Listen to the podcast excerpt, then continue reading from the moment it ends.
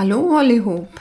Du har kommit till min podd Ljus i mörker och det är avsnitt nummer 45. Jag heter Charlotte och eh, jag vill berätta om min kristna tro och även vad som står i Bibeln, hur vi ska leva våra liv som kristna. Nu är det alldeles för länge sedan jag hörde av mig. Det senaste avsnittet som jag läste in var i somras och då var det väldigt varmt. Cirka 30 grader under flera dagar. Jag måste säga att det var påfrestande för både kropp och själ.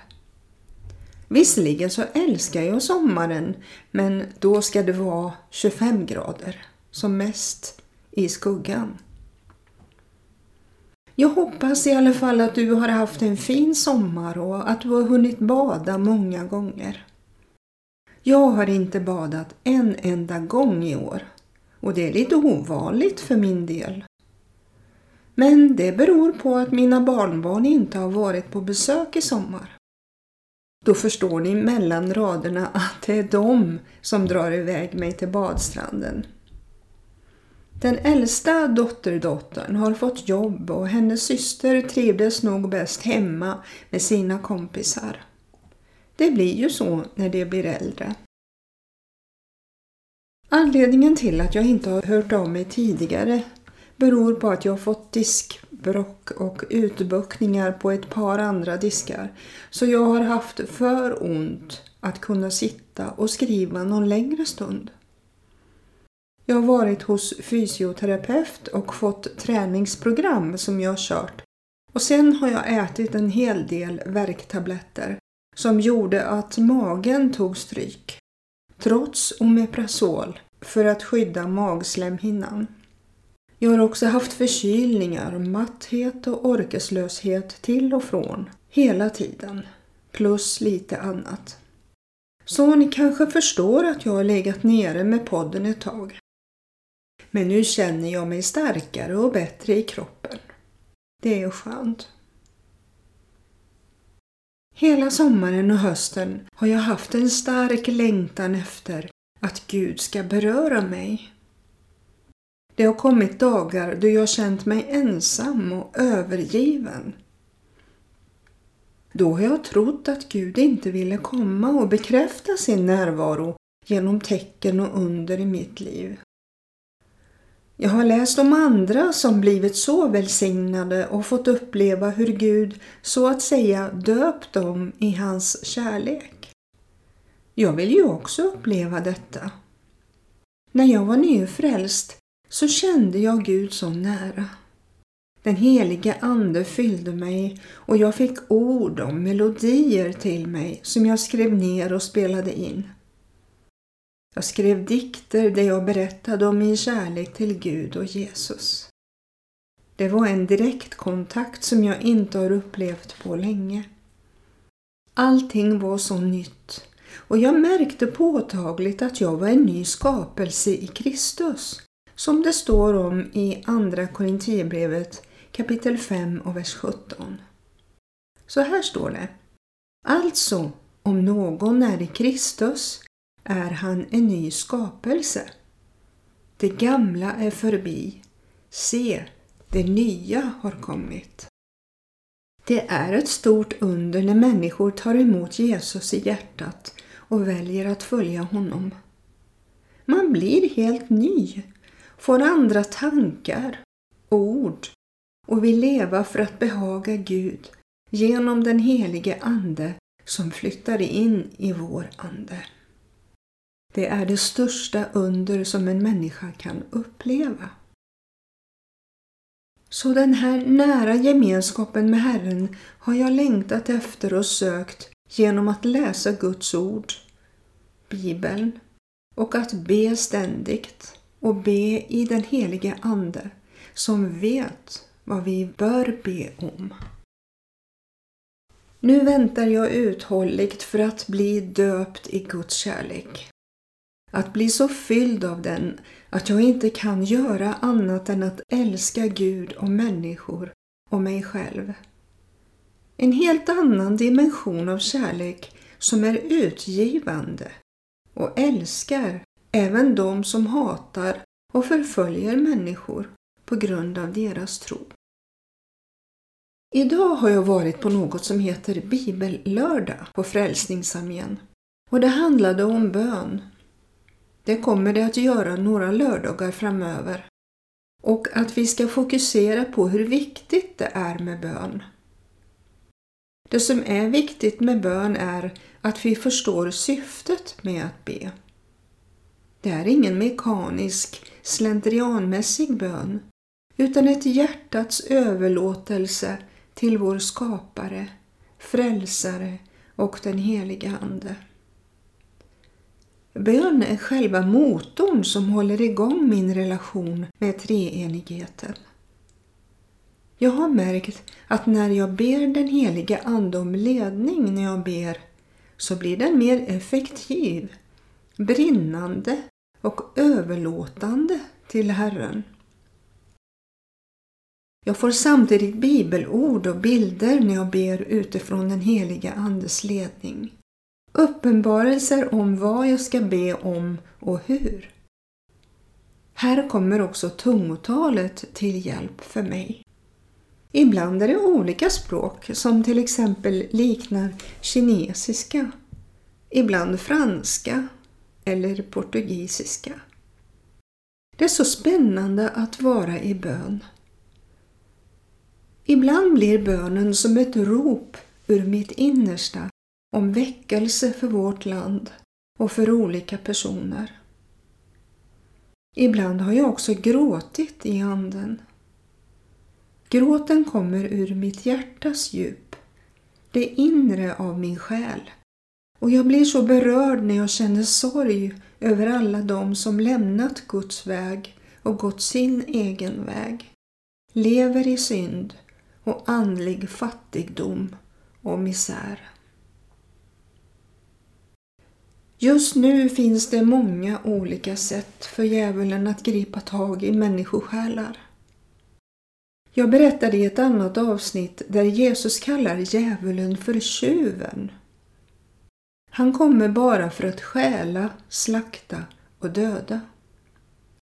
Och i kapitel 10 i Johannes evangelium så talar Jesus innan att han är den gode herden som ger sitt liv för fåren. Och det betyder alltså människorna. Det var efter att han hade helat en blind man och fariseerna frågade ut den blinde mannen om hur han hade fått sina ögon öppnade. Jesus kallar sig också grinden. Jag läser ur kärnbibeln från vers 1 och framåt. Med all säkerhet säger jag er, den som inte går in i fårfållan utan genom grinden, dörren eller porten, utan kliver in någon annan väg är en tjuv, en som stjäl i smyg och en rånare, en som öppet rånar med våld. Den som går in via grinden är fårens herde. För honom öppnar dörrvaktaren och fåren hör hans röst. Och han kallar personligen på sina får vid namn och för ut dem.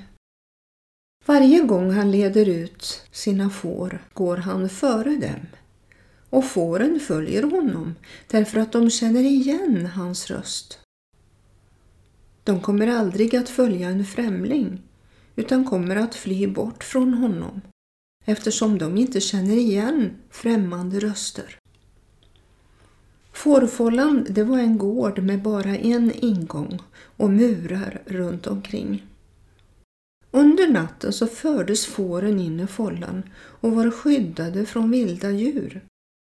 Ibland använde herdar samma större fålla för sina får och turades om att vakta vid dörren. På morgonen ropade herden och hans får kände igen hans röst och följde.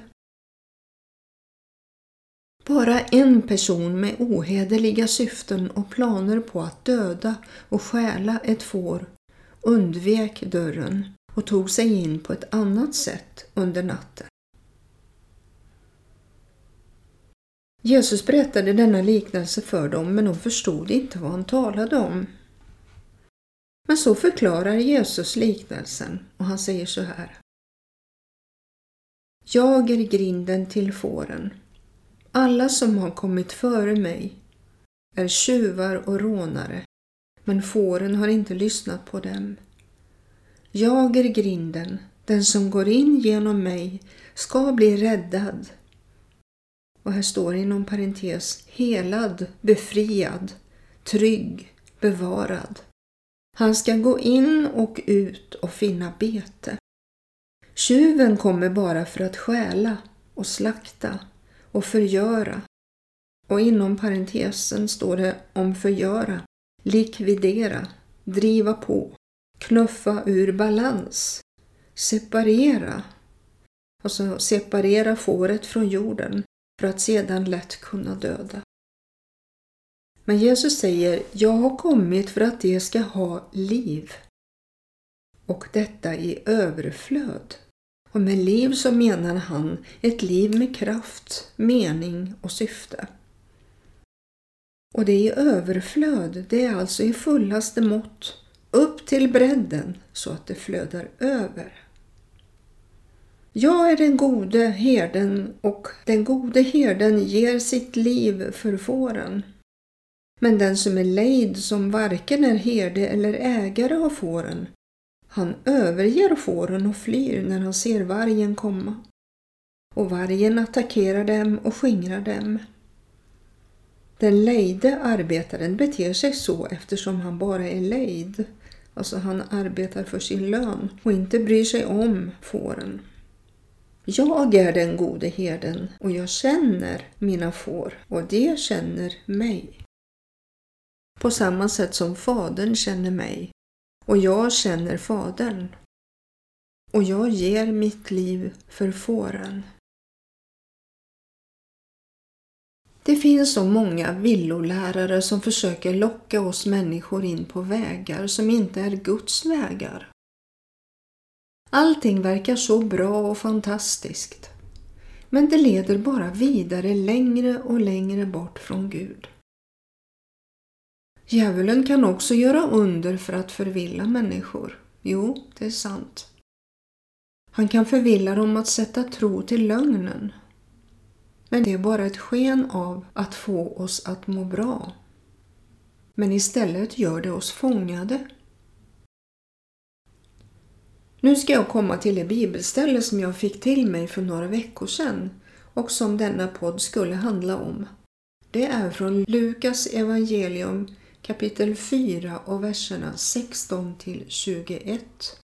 Och han citerade det som står i profeten Jesaja kapitel 61, verserna 1 till 2. Där Jesaja redan då profeterade om den kommande Messias. Och nu var han i templet och läste om sig själv. Jag läser.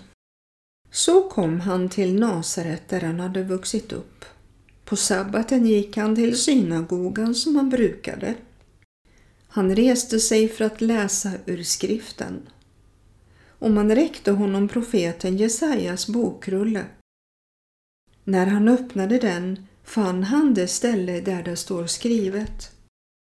Herrens ande är över mig, ty han har smort mig till att predika glädjens budskap för de fattiga.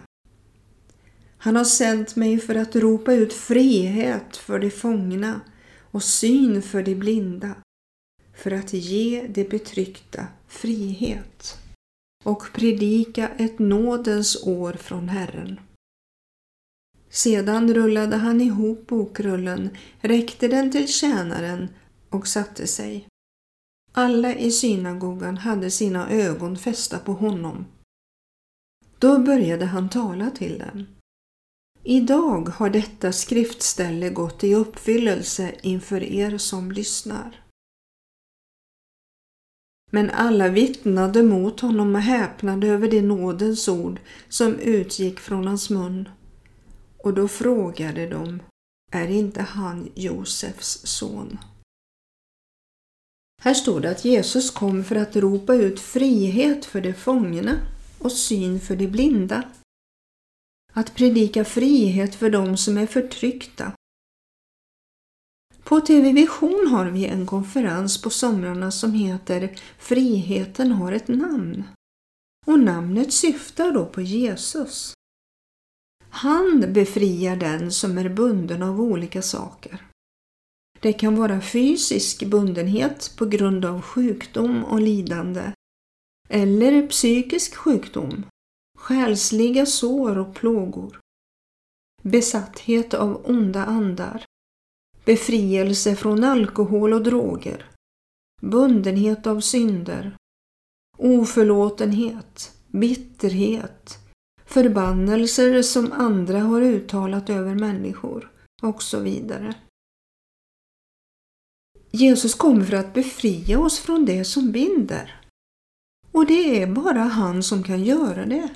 Därför att han har tagit allt på sig och dött med detta på korset. När han uppstod på tredje dagen så ville han därmed visa att han dels hade övervunnit detta onda och dels att döden inte kunde behålla honom därför att han var syndfri. Och för det tredje att han ville ge oss ett evigt liv. Det som han vunnit åt oss genom att uppstå. Jag har själv varit bunden på olika områden i mitt liv. Både av alkohol och rökbegär.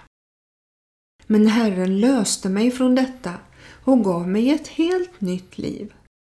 Nu är jag fri och oberoende.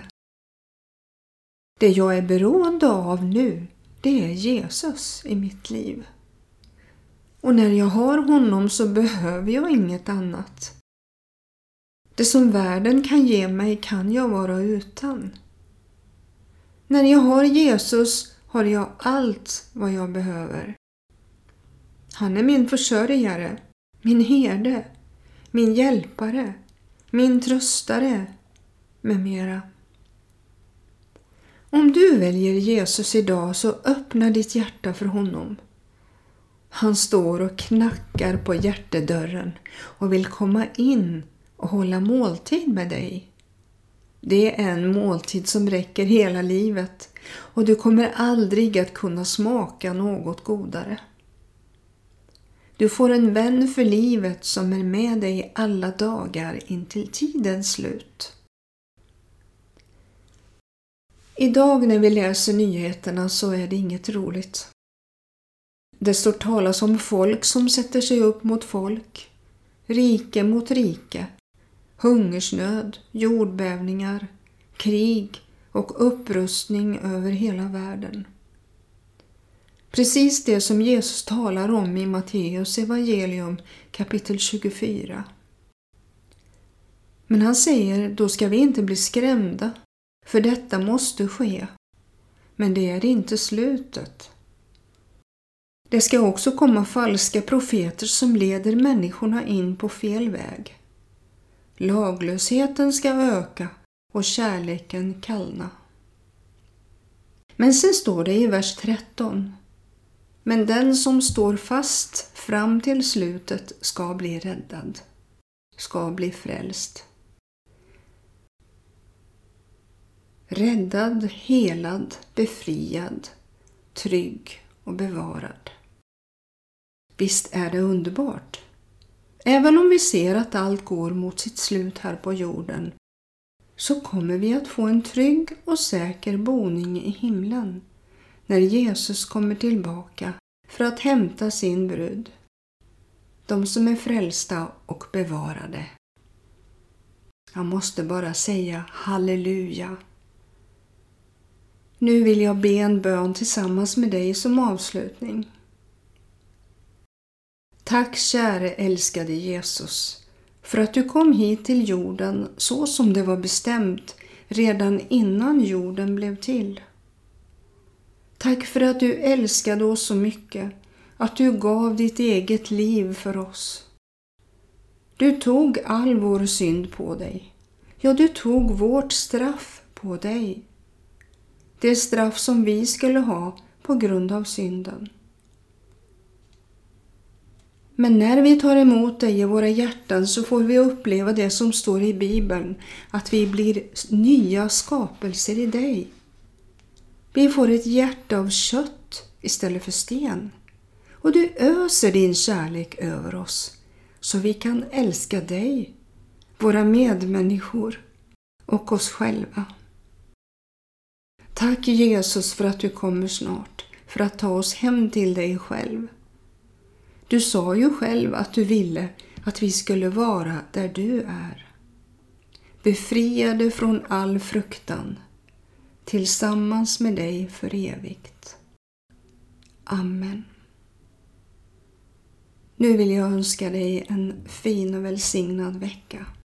Och jag hoppas av hela mitt hjärta att jag snart kommer igen med en ny podd och där du får höra mer om mitt kristna liv och vad som finns för dig också.